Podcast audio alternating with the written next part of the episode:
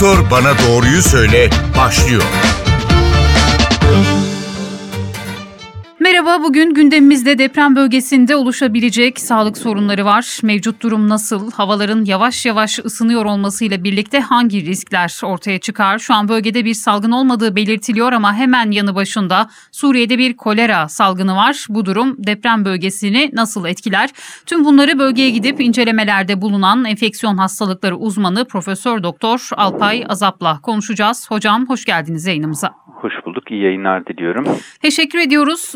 Siz klinik ekibi olarak felaketin ikinci haftasında bölgeye gittiniz ve orayı inceleyebildiniz. Gözlemleriniz sonucunda mevcut durum şu an nasıl? En çok hangi hastalıklarla karşılaşılıyor? Bize bir tablo çizebilir misiniz? Ee, elbette. Biz evet 7. 7. günü depremin bölgeye ulaştık ve 11. güne kadar oradaydık. Ee, orada çalışan enfeksiyon hastalıkları ve klinik mikrobioloji uzmanı arkadaşlarımızın da olduğu bir iletişim e, platformu da oluşturduk kendi aramızda. Halen haberleşmelerimiz devam ediyor. Hem ihtiyaçları karşılamak hem bilgi alışverişinde bulunabilmek amacıyla dernek olarak, Klimik Derneği olarak e, böyle bir organizasyon da yaptık. O yüzden sahadan sürekli canlı haberler alıyoruz. E, şu an için e, bir salgın diyebileceğimiz boyutta bir enfeksiyon artışı söz konusu değil. Ancak e, gittiğimizde de gördüğümüz ve e, izleyicilerimizin, dinleyicilerimizin de e, her gün medyadan takip ettikleri üzere orada ciddi bir altyapı sorunu var. E, hem kanalizasyon sistemiyle ilgili hem su sistemiyle ilgili ciddi eksiklikler var. Hala devam ediyor bu. Ve, ve barınma sorunu var. Barınma sorunu nedeniyle e, az sayıdaki çadırda çok fazla insan bir arada yaşamak durumunda kalıyor. Bu da insanların birbirine temasını çok arttıran bir durum. E, temizlik içinde kullanma suyu bulunamadığı için yeterince temizlik noktasında da sorunlar oluyor. Dolayısıyla bakacak olursak aslında enfeksiyon hastalıklarının yayılabilmesi için son derece elverişli bir ortam oluşmuş durumda deprem yüzünden. En sık duyduğumuz sorun umumi tuvalet ve banyo sorunu. Bu durumda hangi hastalıklar ortaya çıkar diye soracağım. Örneğin uzun süre kıyafetlerin yıkanamaması, banyo yapılamaması hangi sıkıntıları beraberinde getirir? Evet, kıyafet ve vücut temizliğinin yapılamıyor olması e, bit ve e, uyuz gibi paraziter cilt hastalıklarının yayılmasını kolaylaştıracaktır. Nitekim bu konuda da e, bazı e, emareler var. Bölgede çalışmakta olan arkadaşlarımızın e, uyuz vakalarında bir miktar artış olmaya başladığını e, söylediklerini iletebilirim ben. E, bu yakın temasla bulaşan bir hastalık ve temiz olmayan ortamda da daha e, çabuk yayılabilen bir hastalık. E, ortak kullanılan eşyalar, yorgan, battaniye gibi eşyalar, e, yatak gibi eşyalar da söz konusu. Barınma sorunu e, devam ettiği için. E, dolayısıyla bunların yayılmasını bekleyebiliriz. Kanalizasyon olmaması, tuvaletlerin yetersiz olmaması ise ishalli hastalıklara davetiye çıkartıyor. Özellikle insandan insana bulaşan ishalli hastalıklar için bir risk oluşturuyor. Şimdi bölgeye gönderilecek olan malzemelerin hiç kullanılmamış olmasının önemi de e, bir kez daha burada e, ortaya çıkıyor sanırım. Ne dersiniz? Evet ya da en azından göndermeden önce yüksek ısıda güzelce yıkayıp ütülemek yoluyla gönderilmesinde fayda var. Su en çok konuşulan konuların başında şebeke suyu ile ilgili sıkıntı devam ediyor bildiğimiz kadarıyla içme suyu ihtiyacı olduğu da söyleniyor deprem bölgesinde. Örneğin yeteri kadar su içilmemesi vücutta ne gibi etkileri de beraberinde getiriyor bize bunu da anlatır mısınız? Ee, elbette e, vücutta az su içmek aslında vücudun savunma sistemini zayıflatan bir durum. Hem genel anlamda savunma hücrelerini etkileyecektir. Ama e, bizim mekanik bariyerler dediğimiz örneğin tükrük salgısı çok önemli bir bariyerdir. Mide e, asit salgısı mikropları öldürmek için çok işe yarayan bir bariyer görevi görür. Yine bağırsak salgıları öyle.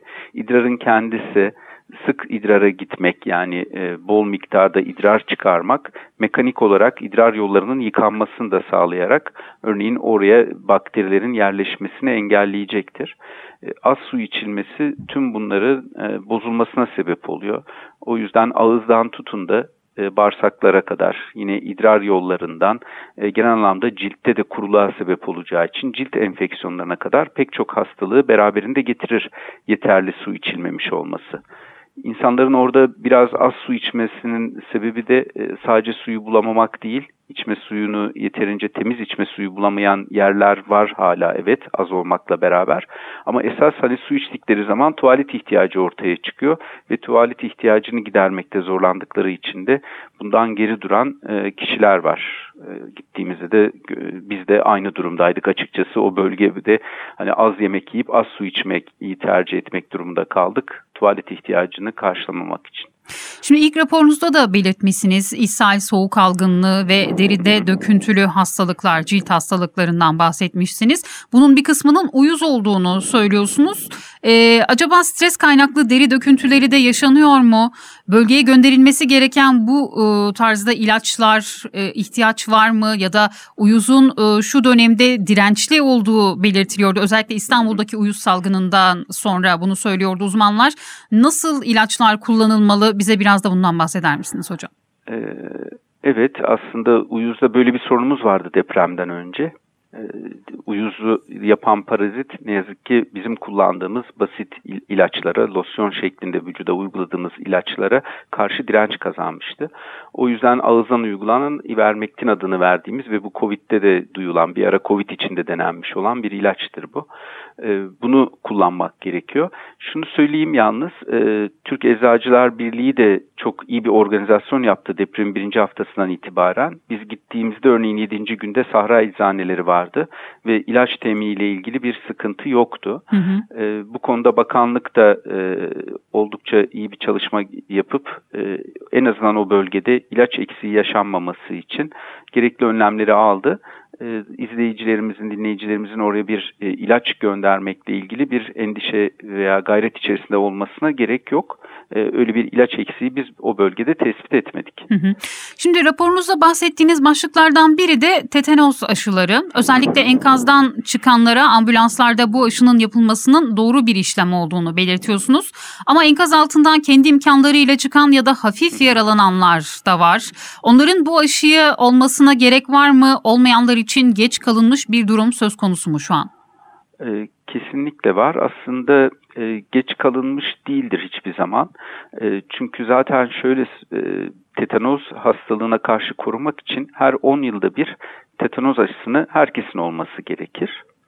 E, deprem koşulları tetanoz bulaşını çok kolaylaştırıyor. Çünkü tetanoz sporları tozda toprakta bol miktarda var ve vücutta oksijensiz ortam bulduğu zaman e, çoğalıp tetanoz yapıyor. Yani yaralanmalar, kirli yaralanmalar özellikle bu açıdan büyük risk taşıyor. Deprem yaralanmaları da e, böyle yaralar. E, bunlar hastaneye gitmeyi gerektirecek kadar ciddi olmasa bile e, ki o yüzden de hani hem sağlık kuruluşlarına ulaşmak zor olduğu için sağlık kuruluşları da zarar gördü biliyorsunuz. Hem insanlarımız daha ciddi sorunları olan kişilerle kendi yakınlarıyla e, uğraşırken e, bu tür küçük yaralanmaları olanlar ihmal ettiler e, tetanoz aşılarını. Tetanoz aşısını olmaları gerekir. E, aşı e, o bölgede aslında tüm Türkiye'de birinci basamak sağlık hizmetleri üzerinden yani aile sağlığı merkezleri üzerinden yürütülüyor biliyorsunuz ve aslında Türkiye'nin çok iyi işleyen bir aşı sistemi var. 7-24 e, soğuk zincirle takip edilen.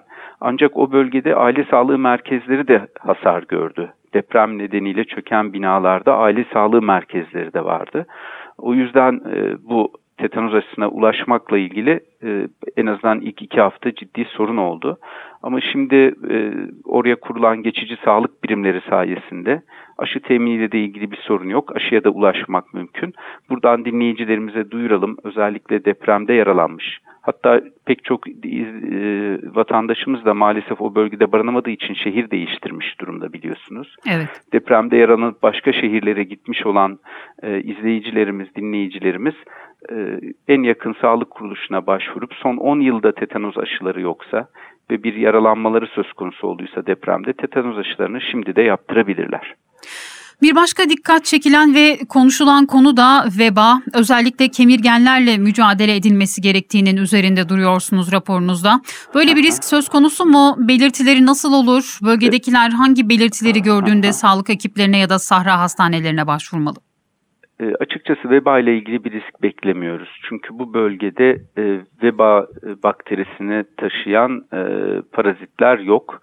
E, kemirgenlerin olması tek başına yeterli değil. E, dolayısıyla biz böyle bir risk görmüyoruz.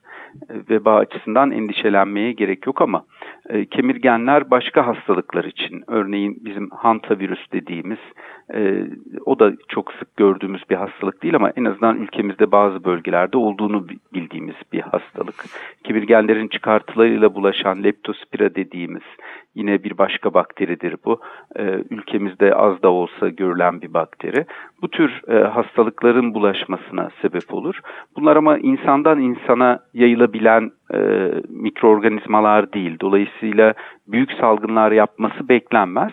Ortak kaynaktan e, ortak ke, kemirgene temas etmiş ya da kemirgen e, dışkı veya çıkartılarıyla kirlenmiş gıdaları tüketen, suları tüketen kişilerde görülebilir. E, o durumda küçük çaplı salgınlar yapabilir. Biz o yüzden kemirgen mücadelesini çok önemsiyoruz. Yoksa veba şu an için e, bölgede bir e, tehdit oluşturmuyor. Sizin yayın başında söylediğiniz kolera e, evet. aslına bakarsanız e, ciddi bir tehdit. Çünkü hemen yanımızda depremden de etkilenmiş olan Suriye'de deprem öncesinde e, binleri geçen kolera vakaları bildiriliyordu ki bunlar sadece bildirilenler.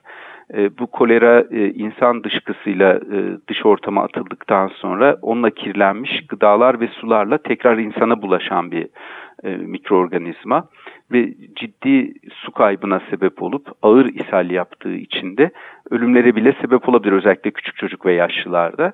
Bu da çok dikkat etmesi gerekir. Yani buradan dinleyicilerimize şunu söyleyebiliriz. Eğer ishalli bir hastalığınız olursa, ishal olursanız ve e, eğer bir gün içerisinde de geçmez ve çok yoğunsa hemen en yakın sağlık kuruluşuna başvurun ki hem sizin tedaviniz yapılsın hem de siz etrafa bulaştırmayın. Çünkü baştan beri konuştuğumuz gibi o ortamda bulaşması da son derece kolay. E, çünkü kanalizasyon sistemleri henüz çalışmıyor. Yine dikkat çektiğiniz bir başka konuda çocukluk çağı aşıları. Bu aşıların tekrar dozlarının yapılması gerekiyor mu şu an için? E, normal çocukluk aşı takvimini tamamlamak gerekiyor. Ama bu da aile sağlığı merkezlerinde yapıldığı için ülkemizde ve aile sağlığı merkezleri çökmüş olduğu için önemli bir sayıda aile sağlığı merkezi e, hizmet veremez durumda. Hem mekansal olarak hem de tabii orada çalışan hekim, hemşire, sağlık personeli arkadaşlarımız maalesef yaralandılar, hayatını kaybedenler çok oldu. O yüzden e, çocuklu aileleri de bunu e, mutlaka hatırlatmamız gerekir. Çocuklarının aşılarını bu kurulmuş olan e, geçici e, sağlık birimlerinde yaptırsınlar. E, aslında bununla ilgili olarak da o bölgelerdeki il sağlık müdürlükleri yoğun bir gayret gösteriyorlar. Aşı teminiyle ilgili yine bir sorun yok. Ama aşıların insanlara ulaşmasıyla ilgili sorun olabilir. E, çadır kentlerde geçici barınma alanlarına sağlık ekipleri düzenli e, gidebiliyorlar ya da orada bulunuyorlar. Bu yerlerden sorun beklemiyoruz. Ancak e, şehri terk etmiş örneğin daha güvenli olduğu için köye, kırsal alana gitmiş olan kişilerin e, küçük bebeklerinin, çocuklarının aşılarını kesinlikle ihmal etmemesi gerekiyor. Yine il değiştirmiş olan e, dinleyicilerimizi de bu konuda uyarmamız gerekir. E, çocukluk aşılarını ihmal etmesinler. Kızamık çünkü bir risk olarak karşımızda duruyor. Depremden önce az da olsa Türkiye'de kızamık vakaları görmeye başlamıştık. Dolayısıyla aşı azalırsa eğer kızamık ciddi salgın yapabilir ve küçük çocuklarda yine bebeklerde ölüme sebep verebilir. Hocam tabii sizinle uzun bir dönem Covid konuşmuştuk ama evet. Covid şu anda e, geri plana düşmüş gibi oldu. Bölge için yine orada yeni bir aşılama kampanyası başlatmak gerekiyor mu? Covid için o bölge özelinde ne söylersiniz? Ee, yani kapalı mekanda çok kişinin bir arada olması solunum yolu enfeksiyonu yayılmasını kolaylaştıracak. Ama aşılarını tamamlamış olan vatandaşlarımızın COVID'den çekinmesine hiç gerek yok. Ee, Covid artık aşılar sayesinde ölümcül olmaktan çıktı. Ama aşısı eksik olanlar ya da hiç aşılanmamış olanlar ya da bağışıklık sistemi ciddi şekilde baskılanmış, hastalık veya ilaç tedavisi nedeniyle bağışıklığı baskılanmış olanlarda COVID hala bir sorun olabilir. Özellikle bu tür durumu olan e, vatandaşlarımızın COVID aşılarını mutlaka tamamlamalarını öneriyoruz. Çok teşekkür ediyoruz programımıza katıldınız, sorularımızı ben yanıtladığınız için. teşekkür ederim. İyi yayınlar diliyorum. Çok teşekkürler. Enfeksiyon hastalıkları uzmanı Profesör Doktor Alpay Azap'la konuştuk. Tekrar görüşmek dileğiyle. Doktor bana doğruyu söyle.